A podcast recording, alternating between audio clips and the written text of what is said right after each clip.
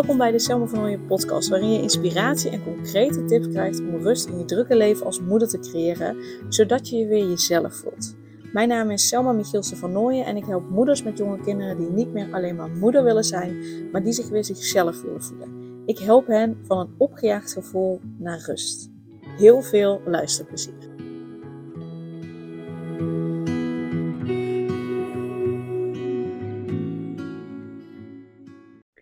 Ik heb een half jaar geleden, toen jij nog zwanger was, een podcast met je opgenomen. Uh, en daarin heb jij mij geïnterviewd over het belang van hechting. En hebben het gehad over uh, de druk die je zelf kan opleggen uh, als ouder om het zo goed mogelijk en perfect mogelijk te willen doen. Zeker in, eh, als het over hechting gaat. we hebben het over gehad hoe ik daarnaar kijk als hechtingsexpert. En ehm, hoe ik als moeder omga met het moederschap. Nou, mocht je daar meer over willen weten, dan moet je even podcast nummer 5 terugluisteren. Maar nu ben jij inmiddels bevallen. En ik heb vandaag een interview met Selma van Nooyen. En ze is dus bevallen van haar prachtige zoon Mees. En ik mag jou gaan interviewen over de transformatie naar het moederschap. En uh, allerlei vragen stellen over hoe je dat dan met hechting in je achterhoofd hebt gedaan. Superleuk dat je er bent, Selma. Ja, superleuk dat ik hier mag zijn. En inderdaad leuk om en tijdens mijn zwangerschap met jou ook over hechting te hebben gehad. En dat maakte natuurlijk ook dat ik erover na ging denken van hoe wil ik dat nou? En hoe willen mijn man en ik dat? En om het daar dan nu, want meestal is nu vier maanden nu we dit opnemen, hoe dat dan nu is. Dus uh, dankjewel dat, uh, dat ik hier mag zijn.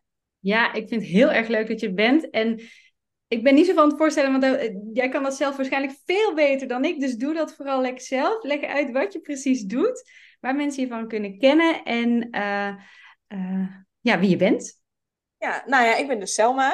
Uh, Selma van Nooyen, maar getrouwd naam is Selma Michielsen van Nooyen. ik ben dus getrouwd, ik woon in Tilburg. Mees is nu inmiddels vier maanden, is ons eerste zoontje. dus ik ben nu alweer een paar weken aan het werk. En uh, wat ik doe, ik heb een eigen bedrijf waarin ik moeders met jonge kinderen help die zich opgejaagd voelen, die zich gestrest voelen, die al die ballen hoog aan het houden zijn, alles perfect willen doen. Um, maar die eigenlijk vooral verlangen naar overzicht en rust. Dus ik help hen dan om die overzicht en die rust te creëren, zodat ze gewoon, ja, vooral heel erg kunnen genieten van hun gezin en hun werk daarbij, zonder dat ze overlopen, maar gewoon, ja, vanuit rust en, uh, en ontspanning. Dus dat. En je combineert het ook met Reiki, toch? Ja, klopt. Ja, ja. dus ik, geef Reiki inderdaad. Nou, recentelijk heb ik uh, opleiding gedaan tot Reiki Master. Dus ik, vanaf nu mag ik ook de Reiki cursussen geven. Dus mag ik ook andere mensen inwijden.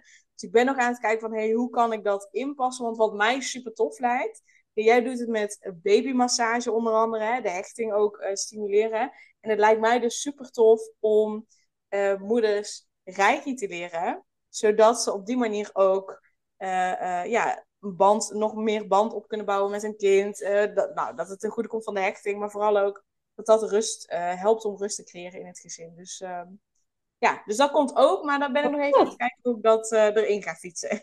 Wat tof. Nou, oké, okay. gaaf. Ja. Um, je, bent, je hebt jezelf natuurlijk helemaal voorbereid op de zwangerschap en de bevalling. Hoe, hoe, heb, je dat, hoe heb je dat aangepakt? Um, nou, uh, sowieso, wij, wij, wij, het lukt ons pas om na twee jaar zwanger te worden. Dus dan is dat denk ik ook al anders dan op het moment dat je uh, besluit dat je kinderen wil en je bent pas boem zwanger. Dus wij hebben er al heel lang, waren we er al mee bezig. Nou, uiteindelijk na twee jaar is het gelukt. En um, wat, ik zo, wat ik sowieso wilde, was een um, zwangerschap slash bevallingscursus volgen. Dat heb ik bij onze verloskundige praktijk gedaan. En die deden uh, de zwangerschap, de bevalling en de, de kraamperiode, of nou ja, die weken daarna uh, behandelen. Dus dat is wat ik op die manier heel bewust heb gedaan. En ik heb daarnaast het boek, dat heet volgens mij Positief Bevallen. Ik weet even niet van welke schrijver dat is. Um, op die manier heb ik me op de bevalling voorbereid, maar er stond ook volgens mij een stukje in over die periode daarna. Um, en wat ik vooral in mijn hoofd had, was: ik heb totaal geen idee hoe ik er dan aan toe ben. Dus ik heb vooral in mijn omgeving gecom gecommuniceerd. Uh, na uh, de bevalling, ik plan niks. Ik spreek niks af. Ik wil eerst ervaren hoe het is. En dan eh, ga ik wel kijken wat, ja, wat we willen, wat er mogelijk is met afspreken met mensen en, en nou ja, weet ik het allemaal. Dus dat is vooral mijn voorbereiding geweest. Vooral ook mijn omgeving voorbereiden op. Uh, Ja. Ik heb geen idee. Ik wil zien hoe het dan is. Ik wil zien hoe wij ons voelen. Ik wil zien ja, hoe onze baby is. Want misschien hebben we wel een huilbaby. En is het allemaal niet makkelijk om dan eh, dingen te gaan doen. Dus vooral ook mijn omgeving voorbereiden. eh, op, nou ja, dat het misschien kan zijn dat wij ons een tijdje terugtrekken bijvoorbeeld. Ja, ja. Dus, eigenlijk heb je jezelf daarin ruimte gegeven om te kijken van, joh, laat ons aan elkaar wennen. En, eh, en, en daarna geven we er wel invulling aan. Ik vind dat wel heel mooi. Ik heb dat eh, zelf niet zo gedaan, in de, bij de eerste in ieder geval. Dus, ehm, eh, en je, je ziet vaak dat mensen er niet zo heel erg mee bezig zijn met wat gebeurt er daarna? Wat gebeurt er als je dan eenmaal bevallen bent? Dat is, hopelijk gaat dat helemaal op een roze wolk zijn, maar dat is vaak, eh, vaak ook niet zo. Ehm, en als je dan het gevoel hebt van, oh ja, eh, die tante moet op bezoek komen en die wil mijn dochtertje zien of die wil mijn zoontje eh, gaan bewonderen, ben je eigenlijk alleen maar bezig met de ander faciliteren in het feit dat die jouw kindje kunnen zien en niet dat jij je kindje kan gaan zien. Dus eh, ja, mooi dat je daar zo bewust eigenlijk mee bezig bent geweest. Ja, ja en, heeft te- en aan de ene kant heeft het ermee te maken omdat ik natuurlijk hè, moeders met jonge kinderen help. En ook verhalen heb gehoord dat, dat ze echt iets hadden van ja, het was me allemaal veel te veel. En eh, mezelf kennende, ik ben heel erg van het anderen willen pleasen, anderen te vriend willen houden en dat soort dingen. Eh, waarin ik zoiets had van, wacht, die periode hoort om ons te draaien. Wij maken de grootste verandering van ons leven mee. Ja. Ehm, ehm, dus ik wilde dat mensen niet van mij verwachten dat ik, zoals ik meestal doe, mensen wil pleasen en overal ja op zeggen, Ja. dat soort dingen. Dus het was vooral een stuk zelfbescherming. En dus dat waren eigenlijk de twee overwegingen, of de, ja, de, de twee eh, eh, oorzaken, aanleidingen waardoor ik dacht, oké, ik ga dit even mijn omgeving voorbereiden. Ja, ja, nou top. En ehm, heb je daarin ook aandacht gehad voor de hechting? Ben je daar specifiek mee bezig geweest? Of... Ehm, eh, niet op die manier. En nou ja, we hadden net al kort over Reiki. Wat ik wel regelmatig heb gedaan, is mezelf en, en de baby in mijn buik Reiki geven. Dus eh, eh, ja, voor degenen die Reiki niet kennen, eh Reiki heel in het kort ehm, staat voor universele levensenergie. Dus het is, eh, wat vaak wordt gezegd, alles bestaat uit energie. Nou, binnen de Reiki noemen ze dat dan, alles bestaat uit Reiki. Die energie is de Reiki. En met een Reiki-behandeling geef je iemand, of nou ja, in mijn geval bijvoorbeeld mezelf of de baby, extra energie, extra Reiki, waardoor er rust komt, waardoor er ontspanning ontstaat, waardoor er bepaalde blokkades eh, opgeruimd worden, ehm, ja, waardoor die rust dus ontstaat. En dat kun je dus ook inderdaad heel mooi gebruiken met, met, met hechting. Dus dat was hetgene wat ik vooral tijdens de zwangerschap heb gedaan aan hechting. En mijn man, die heeft bijna vanaf het allereerste moment dat we wisten dat ik zwanger was, ging hij al tegen mijn buik praten. Heel Dus goed. die is op, ja, die is op die manier heel erg mee bezig geweest. Ja, ja, ja. Oké, dus jullie hebben eigenlijk alle twee op een eigen manier echt contact al in de baarmoeder eh, eh, gelegd. Wat eigenlijk een hele belangrijke eh, stap is voor het opbouwen van een band. En ehm, eh, want je zegt, je man heeft daar ook al wel wat in gedaan. Hebben jullie daar dan samen ook wel eens gesprekken over gehad? Van over, over, of, over hechting of over hoe zien wij dat? Nee, wij hebben wel ehm, van tevoren in de zwangerschap niet. Ehm, wij hebben wel, ja, ik weet niet of dat nou dan misschien aan het einde van de zwangerschap was of toen Mees er al was. Hebben we wel, hebben het wel over gehad van joh, hoe doen we dat als hij huilt? Eh, Hoe reageren we daarop? Waarbij we eigenlijk alle twee al vrij snel tot de conclusie kwamen: een baby willen wij niet laten huilen. Kijk, tuurlijk, hè, eh, soms moet hij prikkels eh, verwerken en moet het eruit. En dat, dat is prima, maar niet als in we laten hem huilen apart in een bedje ergens anders. Nee, als hij huilt, houden we hem vast, zodat hij onze nabijheid heeft. En dan kan hij huilen, zeg maar. Ja, Uh, dus op die manier, dus niet specifiek zo over hechting, maar ik weet dat dat wel erbij hoort. ja zeker. Ehm, dus we hebben het meer gehad over wat doen we als hij huilt en hoe staan Ja. we daarin, dan hey, uh, we willen uh, zorgen dat uh, dat Mees goed aan ons hecht, dat die hechting goed is. Hoe gaan we dat doen? Zo hebben we dat niet gedaan. Nee, nee, oké. Maar goed, uiteindelijk de praktijk, want dat is het belangrijkste, dat je het hebt over de praktijkvoorbeelden. Uh, heb je daar eigenlijk wel degelijk over, ehm, over nagedacht en, en zat je ook wel op één lijn, begrijp ik? Ja. Ja, ja. ja. ja. en we hebben het dan echt alleen over het huilen gehad. Ja. Dat ja. heel erg op. Ja. ja. En dan kan je je altijd helemaal voorbereiden en bedenken hoe je het wil hebben en hoe het in de ideale situatie zou gaan. Maar het loopt vaak anders dan dat je, uh, dan dat je had bedacht.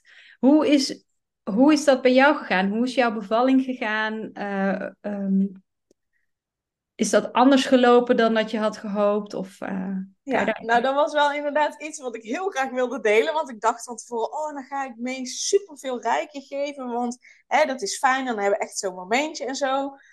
Maar inderdaad, zeker die eerste weken dacht ik, dan was er weer een week voorbij. Dan dacht ik, ja, ik heb nou ook niet echt uh, heel veel rijkje gegeven of zo. Dus inderdaad, in de praktijk gaat het anders. Maar um, mijn bevalling is uiteindelijk anders gegaan dan we wilden. Het is uiteindelijk in de keizersnede geworden. Of ja, uiteindelijk een spoedkeizersnede. Um, en uh, ik moet zeggen dat ik dat herstel wel lastig vond. Zeker die eerste dagen. Uh, ik mocht, maar vooral kon hem zijn luier bijvoorbeeld niet verschonen. Want dan moest ik wat voorover buigen. Nou, dat gaat gewoon niet met, met die wond die daar zat. Um, de eerste twee nachten zijn we ook in het ziekenhuis gebleven. Dat, dat is gewoon standaard. Maar de eerste dag lag ik vooral in bed. Want de eerste uren werkt zeg maar de ruggenprik nog door. Dus ik kon gewoon letterlijk eigenlijk niks. Behalve, hey, geef even mijn baby aan alsjeblieft. Um, dus dat vond ik wel al lastig. Dus dat ging in de praktijk al heel anders dan ik had gehoopt. Ja. En um, die eerste anderhalve week vond ik het ook wel echt heel overweldigend. Want, hè, um, nou ja, Mees moet om de drie uur eten. Nou, we waren bezig met borstvoeding. Um, ja, jezus, ik dacht echt, nou, ik ben echt alleen maar heel de dag bezig met voeden. En mijn productie kwam niet op gang, dus dan moest ik ook nog kolven. En ik was heel de dag bezig met die melk. Ja. En, um, ja, en wat minder met genieten van meesterzorg. En weet je, dus um, ook dat liep anders dan ik had gehoopt. Want ik dacht, oh ja, borstvoeding en dat is echt goed voor de hechting. En dan, kun, mm -hmm. oh, dan maken we daar helemaal zo'n momentje van. Heel fijn. Dat ging ook anders. Ja. Uh, vooral omdat ik ook niet zo mobiel was. Dus, um, en ik vond die eerste anderhalve week echt overweldigend. Dat ik af en toe echt dacht, oh, kan niet terug mijn buik in. Ja. Waarom willen mensen kinderen? Waarom wilden we dit? Waarom hebben we dit gedaan? Ja. Dus dat was ook al uh, dat ik dacht, oké, okay, nou dit stuk heeft niemand mij verteld dat het dus zo overweldigend kan voelen. Ja. ja. Dat is echt, ja, Nee. Dus daarin liep het ook anders dat ik ook echt niet bezig was met ik ga hem rijkje geven. Het was wel gewoon, um, dat hadden we wel van tevoren ook besproken van oké, okay, het, het voedingsmoment is echt ons moment. Dus dan niet met een telefoon, niet met iets anders bezig zijn, gewoon echt met het voeden bezig zijn, met meest bezig zijn. Um, ook met in gedachten wel de hechting, of in ieder geval hè, de band. Um, dat lukte wel, maar al de rest eromheen, het was anders dan ik had gedacht. Ja, je hebt geen idee. Dat, dat, dat, al zeggen ze het tegen je, los van dat, dat er denk ik te weinig over wordt gesproken, over hoe transformerend dat is, hoe shocking het is om ineens moeder te zijn. Um, ik denk dat daar te weinig over gesproken, maar al zeg je het, oh joh, je weet het pas als je er zelf in zit.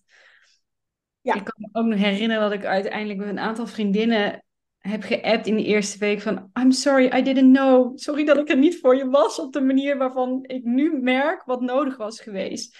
Dus um, ja, heel herkenbaar wat je zegt. En je staat ook de hele tijd aan. En je moet alleen maar leveren en herstellen. En ja, het is best wel... Uh, best ja, wel ik had ook echt uh, heimwee naar het ziekenhuis. Want dan kon ik gewoon op een knop drukken en dan kwamen ze. Ja. Ja, dat was thuis niet. Nee, ja. Dat is echt even wennen, hè? Ja. ja. En je bent zelf ook gewoon echt letterlijk een ander persoon. Dus je hele hersenstructuur en je hele uh, hormoonbalans, die verandert, na, nou ja, in die eerste negen maanden natuurlijk een hele hoop, maar ook uh, na de bevalling, binnen een paar dagen, heb je weer een hele andere hormoonbalans. Ja, even serieus, doe, ik ga er maar aan staan. Dus dat ja, is... ik, ik, als ik er nu ook over nadenk, dan denk ik... ja, waar, niet, niet per se waarom doen mensen dit, maar wel, jeetje, wat een impact maakt dit op je lijf. En hoezo hadden ze vroeger elf kinderen bijvoorbeeld? Hoe? Maar niet, gewoon, hè, ik snap, hè, er waren andere tijden, nou ja, dat, maar gewoon ook lichamelijk, gewoon fysiek. Hoe? Ja, hoe? Ja, Hoe doen mensen dat? Ja, nou ja, ja. Een goede vraag. Ik, ik, ik zou het ze niet nadoen. Elf lijkt mij iets te veel. nee, nee, nou precies. Ja, mijn oma had zeven kinderen. Ja, Ja, heeft zeven kinderen. ja, ja, moet je nagaan. Ga er maar aan staan. Hey, ik, eh, Ja. Hey, en hoe was voor jou, want dat, dat is altijd zo'n momentje, tenminste de meeste moeders dromen daar wel even van, van oh, het eerste moment dat ik mijn baby zie, hoe, hoe gaat dat voelen, hoe gaat dat, er, eh, hoe gaat dat zijn? Hoe was dat voor jou, dat je voor het eerst Mees zag? Ja, nou, anders dan ik dus eh, had gehoopt. Dit Oh. was via een schermpje. Ja, Nee, als, je, eh, hè, als je een keizersnede hebt, dan kun je... Ik kon wel via een doek, daar zit dan zo'n scherm en dan kan ik zien. Kon ik het zien. Ehm, ik had vooral, toen hij eruit kwam, dacht ik echt... Oké, ik weet dat mijn lijf daar ligt. Ik voel er helemaal niets van. ja, Als het goed is, komt deze baby dus uit mijn lijf. ja, Maar is dit echt mijn baby? ja, is het echt mijn zoon? En eh, toen hij vervolgens eh, eh, uiteindelijk bij mij gelegd werd, want dat het een spoedkeizersnede was, hebben ze hem wel eens gecontroleerd. Maar hij kwam wel eerst bij mij, hebben ze hem wel laten zien, hebben ze hem gecontroleerd. Daan eh, bleef al die tijd gewoon bij Bees, dus die kon gewoon lekker al hem aanraken en zo. En daarna, toen hij bij mij neergelegd werd, nou, toen moest ik wel huilen en toen dacht ik wel, oké, ja, dit, dit is goed. En Ja. toen, daarna kon ik mijn ogen niet meer open doen, want ik was zo kapot. ja, Dus dat had ik ook graag anders gehad. Hè? Dat ik hem echt goed vast kon houden. In plaats van dat ik nou ja, daar lag en nog moest wachten totdat ik dichtgenaaid werd. ja, Voordat ik echt, eh, eh, hem echt kon vasthouden. Maar ik had wel gewoon één hand op hem. En ze, ze leggen hem dan wel. eh, je hebt zo'n. ehm, ja, zo'n. Ik weet niet hoe dat heet. Maar in ieder geval zo'n zo'n bandero heet dat volgens mij. Dus in ieder geval een, een soort omslaghemdje. Hm. zodat je borsten bedekt zijn. Maar waar dat hij dus ook in kon liggen. Ehm, dus dat had ze heel mooi gedaan. Dus daar lag ik gewoon in. En dan kon ik gewoon wel... Mijn één hand was losgemaakt. Ehm, dus ik kon wel ook met mijn hand bij hem. Mhm. Maar het was wel anders dan ik had ge- gehoopt. ja, Dat ik hem echt gewoon echt kon knuffelen. Ja, dat ging nu gewoon niet. En ik was gewoon echt... Ik was gewoon helemaal op. ja, Dus ik kon daarna ook mijn ogen niet meer open houden. Dus ik lag daar zo met mijn ogen dicht. En hem een beetje zo te aaien. En eh, ja... Dus het, ja, het was, het was heel fijn. En het was nog steeds heel mooi. En, en heel emotioneel. Maar het was wel even van, oké, ik weet dat mijn lijf daar ligt. Dus dit zal dan wel mijn zoon zijn die hier uitkomt. ja, Ehm, dus dat was wel anders. En het vasthouden was wel anders. Maar nog steeds, ja, ja, is het gewoon heel bijzonder en emotioneel en heel fijn. Ik dacht, oh, hij is er. ja. Ja, En het heeft voor jou dus niet, want ik, wel- ik spreek ook vaak wel moeders die dus bijvoorbeeld echt ehm, eh, het eerste gouden uurtje hebben gemist, of hè, die eerst zelf nog helemaal ehm, ehm, naar de OK moeten om, eh, eh, waardoor ze ja, wat moeite hebben met echt van oké, dit is mijn baby en, en die hechting op gang te laten komen. Hoewel dat ook normaal is. Hè? Ik bedoel, hechting is niet iets wat er van dag op één, het moment dat je hem ziet, meteen er is of voelt. Eh, dus het is ook een band die opgebouwd moet worden. Ehm, maar ik kon jou zeggen, dat heeft me eigenlijk niet heel veel invloed gehad op de band die we daarna on- hebben ontwikkeld. nee, nee, nee. En ik denk ergens dat dat misschien ook komt omdat ik er wel zoveel ook van tevoren in de zwangerschap mee bezig ben geweest. Met, met Ja. Rijkje en zo. Ja. Eh, en Daan heeft zo, mijn man dus, heeft zoveel tegen hem gepraat. Maar het Ja. is gewoon echt, ja, hij kwam uit mijn buik. Ze hebben hem even laten zien en daarna meteen gecontroleerd. Ik, dat heeft niet lang geduurd. En ik kon hem, het mooie was wel, er heeft de hele tijd iemand bij mij gezeten die aan het vertellen was wat ze aan het doen waren. Ik kon hem de hele tijd zien, dus ze stonden wel zo dat ik hem kon zien. Ja, Eh, en daarna is hij meteen bij mij gelegd en is hij eigenlijk niet meer van mijn borst afgegaan. ja, Ehm, en toen wij op de, ja, de uitslaapkamer zeg maar, waren, eh, hielpen ze ook meteen om hem aan de borst te leggen.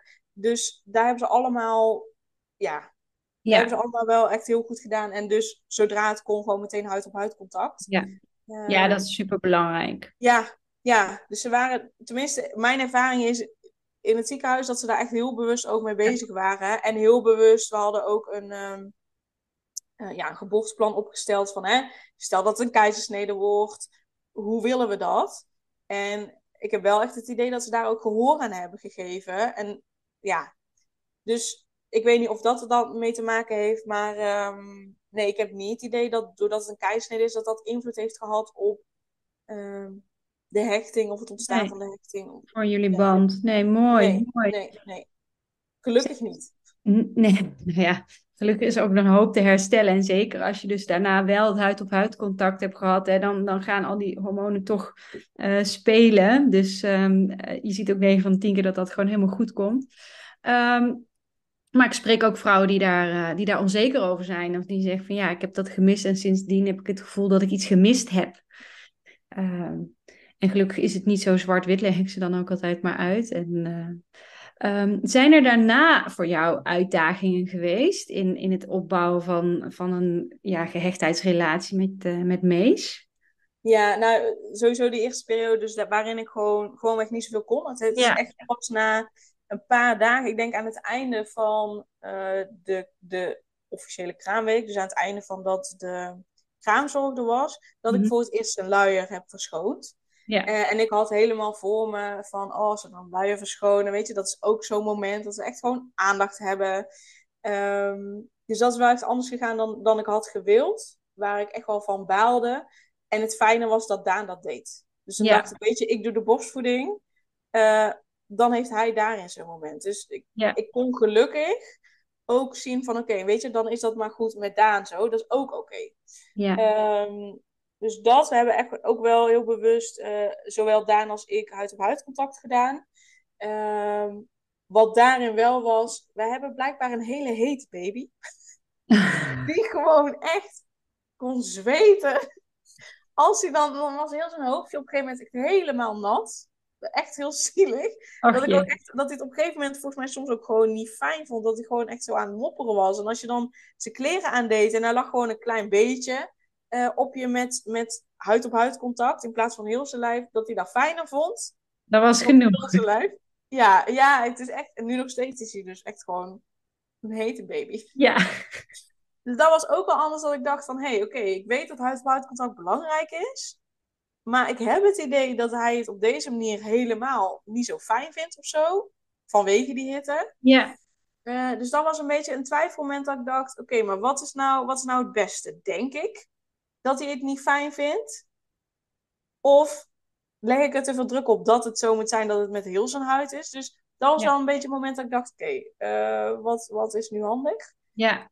Mm, En ik had hem dus meer reiki willen geven. Op het begin ook nog. Maar ja, ik, ik, ik dacht er gewoon niet aan. Ik gewoon, ja, ik was zo met die borstvoeding bezig en het kolven. En ja, dat, dat, ik dacht er niet aan. Je moet ook zelf de rust hebben. Voor Nou, precies. geloof ik. Ja, ja, ja. Anders dan, dan heeft het niet zo heel veel zin. Ja. Ehm, dus dat is ook wel iets dat ik zoiets had van, oké, ja, dat, dat had ik liever anders gehad. Maar goed, ik heb niet het idee dat hij eh, eronder heeft geleden. Nee, het zijn vooral ook keuzes die je op een gegeven moment maakt. Hè? Van kan je ook flexibel zijn en kijken naar je kindje en sensitief en responsief daarop reageren. Ik bedoel, je kan wel denken, dit is heel erg goed en dit, dit, dit moet. en we gaan het potverdriet doen. Ja, eh, maar dan ga je voorbij aan denk ik het belangrijkste ingrediënt van, ehm, van de hechting. En dat is sensitief zijn voor je baby. Dus ja, eh, ik denk dat je daar... eh, juist heel veel eh, aandacht eh, voor hebt gehad. En an- andere uitdagingen zijn vaak ook, nou ja, de borstvoeding, als dat niet helemaal loopt, daar hebben we het al even over gehad, maar ook huilen of, nou ja, wakkere baby's, zoals die, die van mij, zeg maar. Ehm, heb je daar uitdagingen in gehad? Eh, hoe heb je daar keuzes in gemaakt? Ehm, ja, wij hebben best wel lang gewacht met hem eh, boven slapen, laten slapen overdag. Of best wel lang, ja, wat is lang. Ehm, ja, wanneer, ik weet niet eens meer wanneer, we daarmee zijn begonnen. Ehm, het heeft echt wel een aantal weken geduurd. Omdat ik zoiets had van, ik voel me er niet fijn bij dat we hem nu al overdag boven in zijn bed leggen. Ehm, dus hij heeft best wel veel bij ons echt in de draagzak geslapen. Ja. Uh, omdat hij, ja, ja, dan sliep hij tenminste. En dan dacht ik, weet je, dan slaapt hij maar gewoon bij mij. En het is, ik mag toch niet zoveel, dus nou ja, dan, dan ga ik maar zitten. Dus daarin hebben we wel uh, keuze gemaakt van, hé, hey, we houden hem bij ons. Want op het moment dat hij in slaap viel en we legden hem weg, dan werd hij weer wakker. Ja. Dus daar werkte niet goed. Um, dus dat. Weet je, wat was je vraag ook alweer? Oh ja, ik, gaf, ik vroeg vooral um, dat grote uitdagingen meestal in die eerste maanden zijn uh, huilen, slapen, oh. darmkrampjes. Hoe je daar keuzes hebt gemaakt. Misschien met hechting ook in je achterhoofd van ja, wat is daarin een handige? Ja, nou, uh, we hebben niet echt een huilbaby.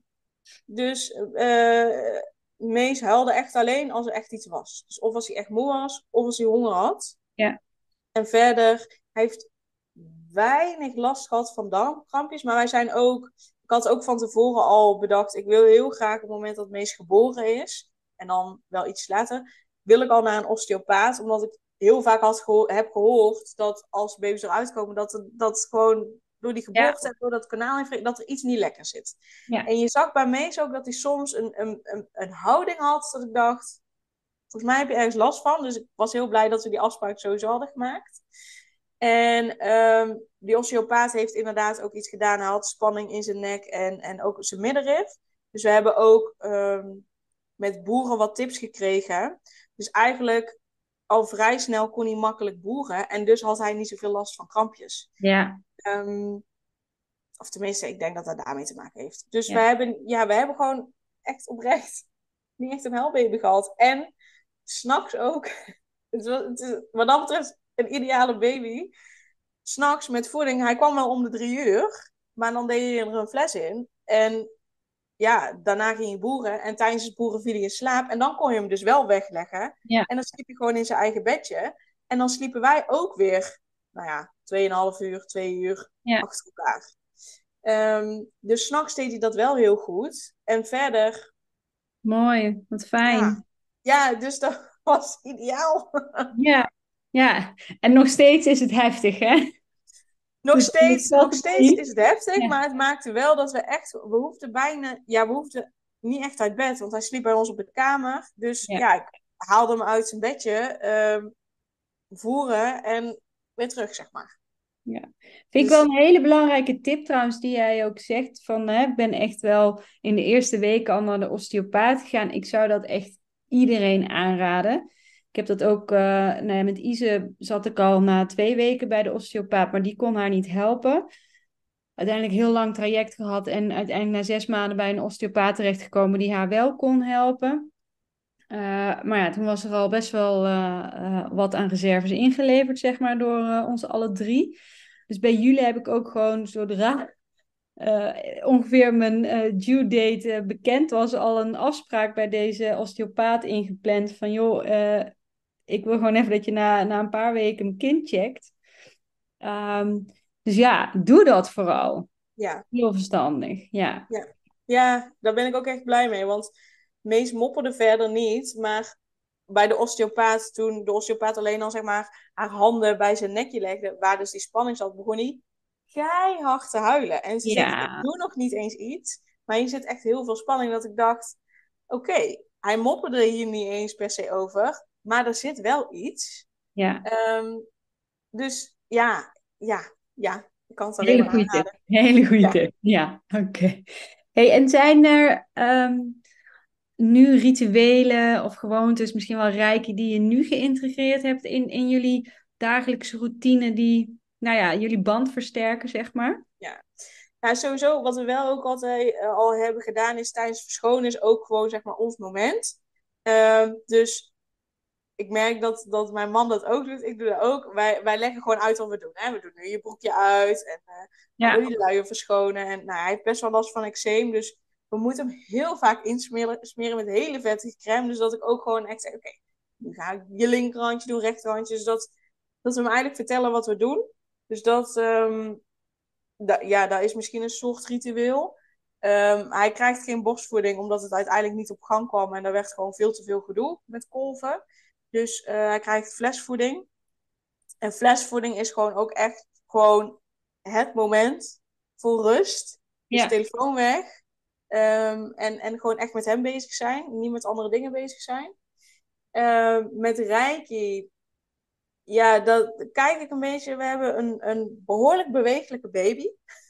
Dus ik doe hem niet per se heel veel plezier met eh, heel veel heel lang geven. Sowieso moet je dat met baby's niet doen. Want ja, die zijn gewoon... Die hebben ook niets voor nodig. Lig Eh, stil, mama wil een, wil een band opbouwen. Ja, nee, nee, nee, nee. Echt, nee. Daar doe ik hem echt geen plezier mee. Maar wat ik wel doe, is echt gewoon de energie naar beneden strijken. Zodat, zodat hij wat rustiger kan gaan slapen. Zodat zeker aan het einde van de dag gewoon lekker even alles loslaten. En Ja, dat mooi. dat eh, kan doen. En eh, wat ook een ritueeltje is, is dat op het moment dat we hem naar bed brengen, dan soms moet hij gewoon nog even huilen. Soms niet, het is niet altijd. Maar dan ga ik gewoon met hem in de stoel zitten. Dan heeft hij alvast een slaapzak aan in de stoel zitten. En dan kan hij gewoon even lekker alles eruit gooien. En dan daarna, dan merk je gewoon, dan ontspant hij zich. En dan kun je de tut erin doen. En dan lekker weg. En dan valt hij binnen een paar seconden valt hij gewoon zelf in slaap. Ehm, dus dat is ook ja, een ritueeltje. Ja, ritueel. In ieder geval een belangrijk onderdeel eh, Zeker. van nou ja, ons samen zijn. Ja, ja. Nou, mooi dat je dat zegt. Ik wil het ook nog wel eventjes benadrukken. In, ehm, eh, je zei het net ook al van, hè, soms moet een baby ontladend huilen, moet het gewoon eventjes uit. En, en dat je dat ook kan dragen, zeg maar. Hè? Dat, eh, bedoel, er zijn heel veel ouders, denk ik, die volledig in de stress schieten op het moment dat hun kind begint te huilen. Had En- ik ook hoor. Dit, eh, dit is niet zomaar, dit is niet zomaar gegaan. Nee, nee, nee. Oh. Het is dat de osteopaat het zei. Van, hé, Oké. ja, weet je, soms moet ze uitlaten. En dan denk ik, wat superdom van mij. Ik vertel mijn klanten, soms moet je gewoon die emoties eruit laten. Moet Ja. het er gewoon zijn. Moet het gewoon weg. Ja, En dan daarna gaat het beter. Toen dacht ik, dat doe ik bij mijn kind niet eens. Want op het moment dat hij ging huilen, ging ik hem wiegen, ging ik rondlopen. Dus hè, ik doe dit nu zo. Of da- Ja. En Daan doet het ook zo.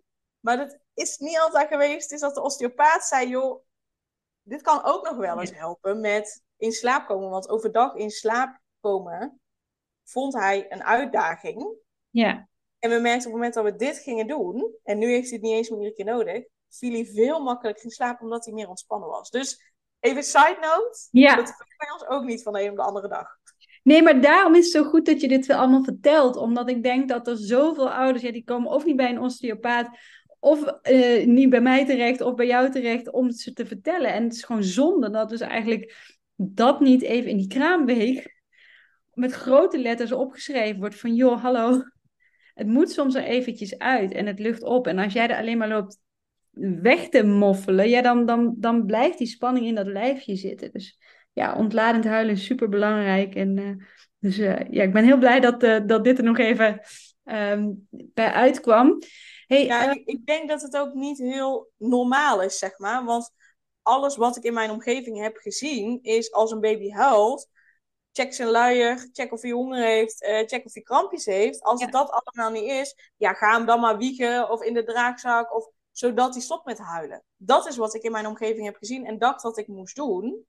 En toen de osteopaat er zei, dacht ik, tuurlijk, wij als volwassenen hebben het ook nodig, dus die baby's hebben dat ook nodig. Ja. Dus ik denk dat het misschien ook wel een stuk is wat nog, tenminste in mijn omgeving, gewoon is om te doen. ja, maar dat, dat, dat zie je eigenlijk eh, overal. En ik denk dat überhaupt het stukje nadenken over, maar hoe, hoe kan ik huilen verdragen? Ehm, eh, en, en weten dus dat er verschillende soorten huiltjes zijn. Hè? Tuurlijk, de- je moet je luier checken en je moet kijken of er eten of drinken is. Maar daarna, ja, wat blijft er dan over? Is misschien gewoon een rustige aanwezigheid van, eh, van een ouder. Ja. Hey, en heb jij, heb jij op jouw netvlies een bijzonder moment? Iets van dat je echt dacht, oh, eh, dat je een hele sterke verbinding zeg maar met Mees voelde? Dat je, dit is echt even zo'n heerlijk momentje. Ja, ja, ja. nou, dat heb ik nog steeds. Dat is met name, s ochtends, als ik dan wakker word, dan hoor je hem al een beetje zo, zo eh, geluidjes maken. En dan denk je, oh ja, hij is wakker. En dan loop je naar binnen en dan, soms heeft hij zijn tuut nog in, niet altijd, maar soms wel. En dan kijkt hij zo aan en dan begint hij zo keihard te lachen. En dan Ja. denk ik, oh ja. En dat is, niet, dat is gewoon, ja, iedere ochtend. Het is echt een heel vrolijk mannetje. Ja. Dus dat is, en ook wel tussendoor, maar echt iedere ochtend is het echt sowieso van, ik ben klaar voor de dag. Ja. Dat is echt, dat is echt fantastisch. Oh, Ja. heerlijk. Ja, ja, Ja. en dat zijn de mooie momenten. En dan ook teruglachen en gewoon echt dat even samen beleven. Ja, dan smelt je. Leuk. Ehm, ik had nog een hele belangrijke vraag, voordat ik hem vergeet te stellen.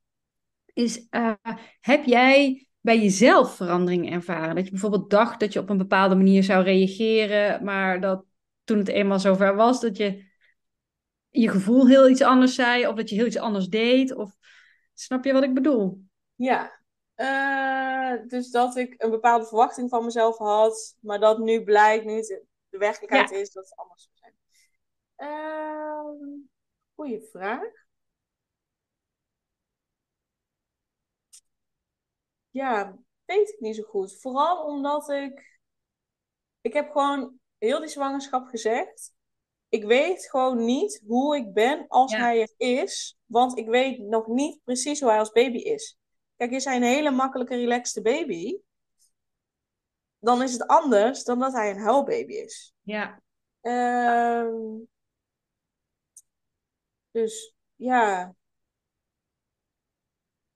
Dat is een ingewikkelde Ja. vraag. Wat ik bijvoorbeeld zelf heel erg merkte, was dat ik van tevoren dacht: Oh, ik word een relaxte moeder.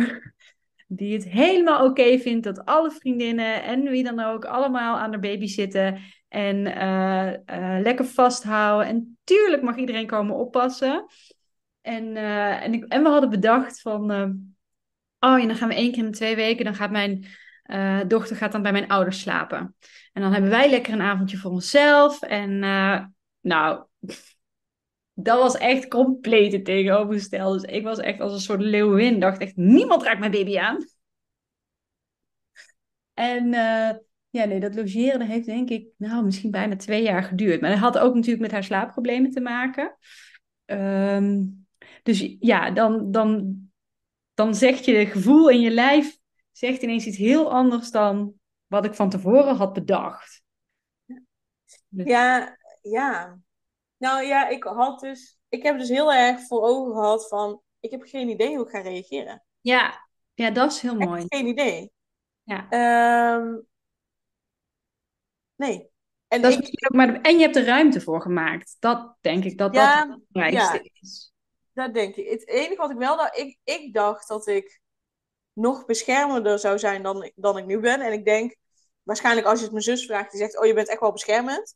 Ehm, maar ik had gedacht van, ik ben waarschijnlijk iemand die eh, heel veel tijd voor zichzelf nodig heeft. Die inderdaad niet wil dat ieder, alle, allemaal mensen eraan zitten. En, en, terwijl ik juist net het tegenovergestelde had. Maar dat komt denk ik ook, Mees vond het ook allemaal prima.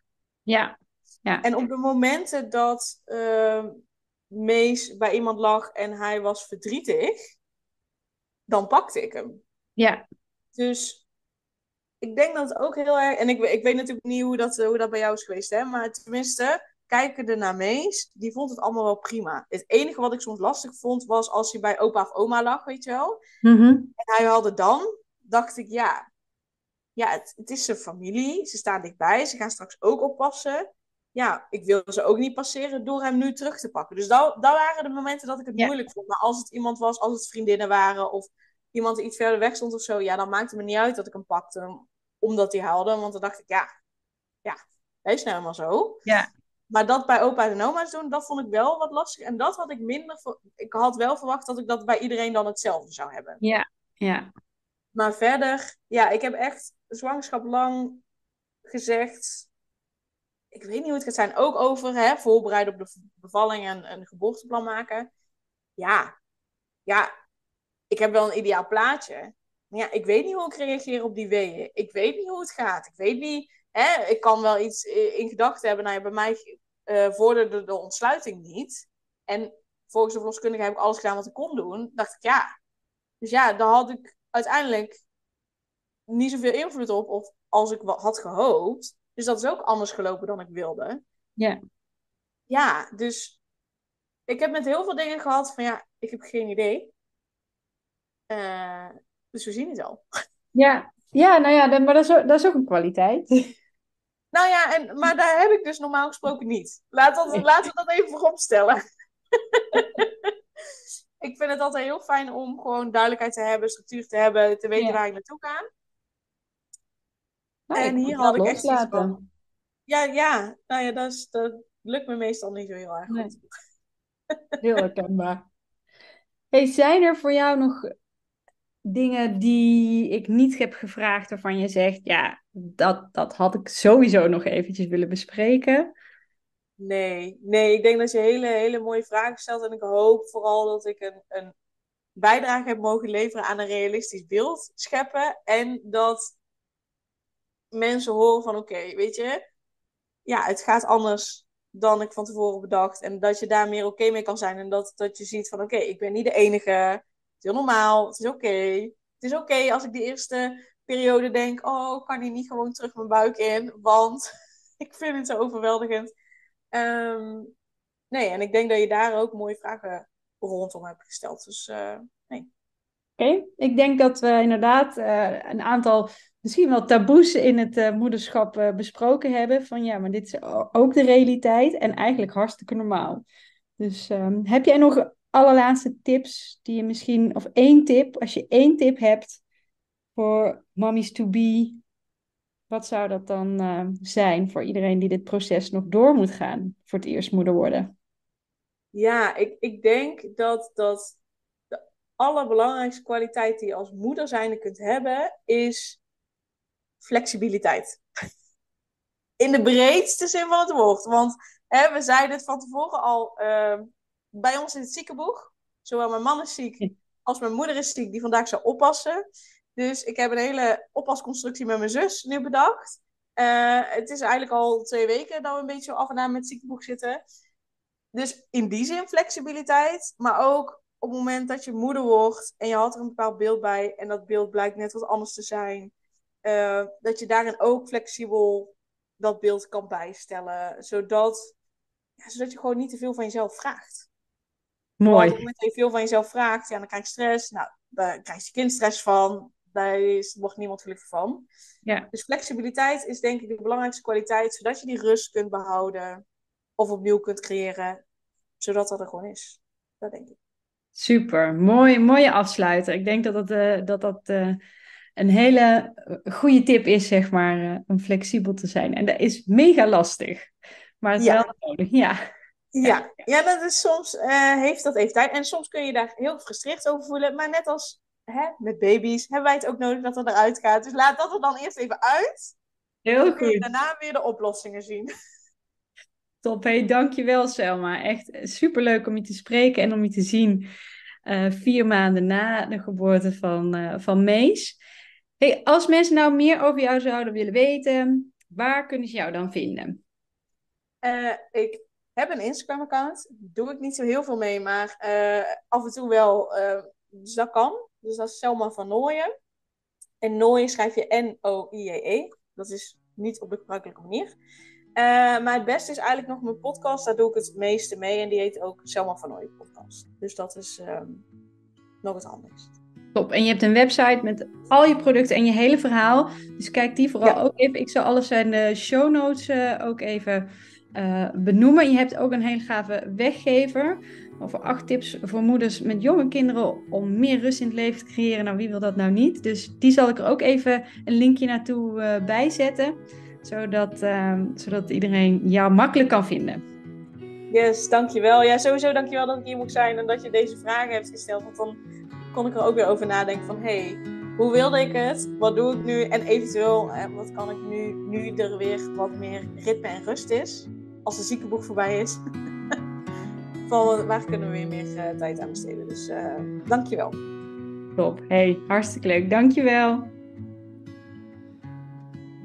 Superleuk dat je weer luisterde naar een aflevering van de Selma van Ooyen podcast. Dank je wel daarvoor. En ik deel in deze intro nog een aantal belangrijke punten. Als eerste is het mijn missie om ervoor te zorgen dat moeders zich weer zichzelf voelen en ze rust en liefde voor zichzelf voelen, zodat hun kinderen zo lang mogelijk kind kunnen zijn. Daarom maak ik deze podcast voor jou en voor je kind of voor je kinderen. Dus gun het jezelf dat je weer jezelf voelt en dat je voluit geniet van het leven, zodat je je kinderen een vrije en gelukkige jeugd kunt geven en ze zo lang mogelijk speels, vrij, onbevangen en onbezonnen kind kunnen zijn. Dus vraag daarom nu mijn gratis e-book aan 8 tips voor moeders met jonge kinderen om meer rust in je leven te creëren. Of meld je aan voor mijn gratis online training De Cruciale Stap om blijvend rust in je leven te creëren als moeder met jonge kinderen. Ten tweede, wil je alle podcastafleveringen overzichtelijk onder elkaar en wil je als eerste op de hoogte gebracht worden als er een nieuwe podcastaflevering online staat? Abonneer je dan op de podcast door op de knop volgen, subscribe of abonneer te drukken en klik op het belletje.